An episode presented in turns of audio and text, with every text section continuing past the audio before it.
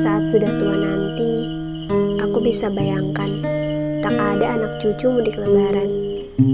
Hanya kunjungan tetangga, saudara, dan kawan. Sesepi apa tanpa canda tawa menggemaskan? Setelah aku tiada, adakah yang masih mengingatku? Adakah yang menceritakan kisah tentangku? Adakah yang meneruskan visi misi kebaikan dariku? Masih adakah pahala yang terus mengalir untukku?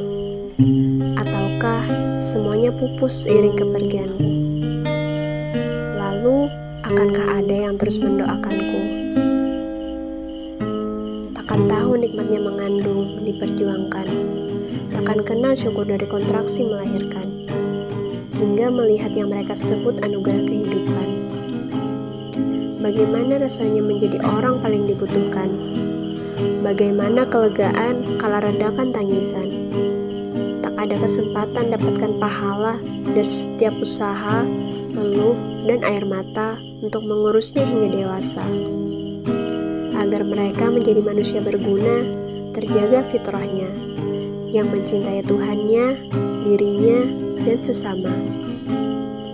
Di luar sana, banyak perempuan titikkan air mata tiap malam, memohon pada Rabnya agar diamanahi menjadi orang tua. Lalu mengapa aku yang bisa memilih untuk tak berupaya punya?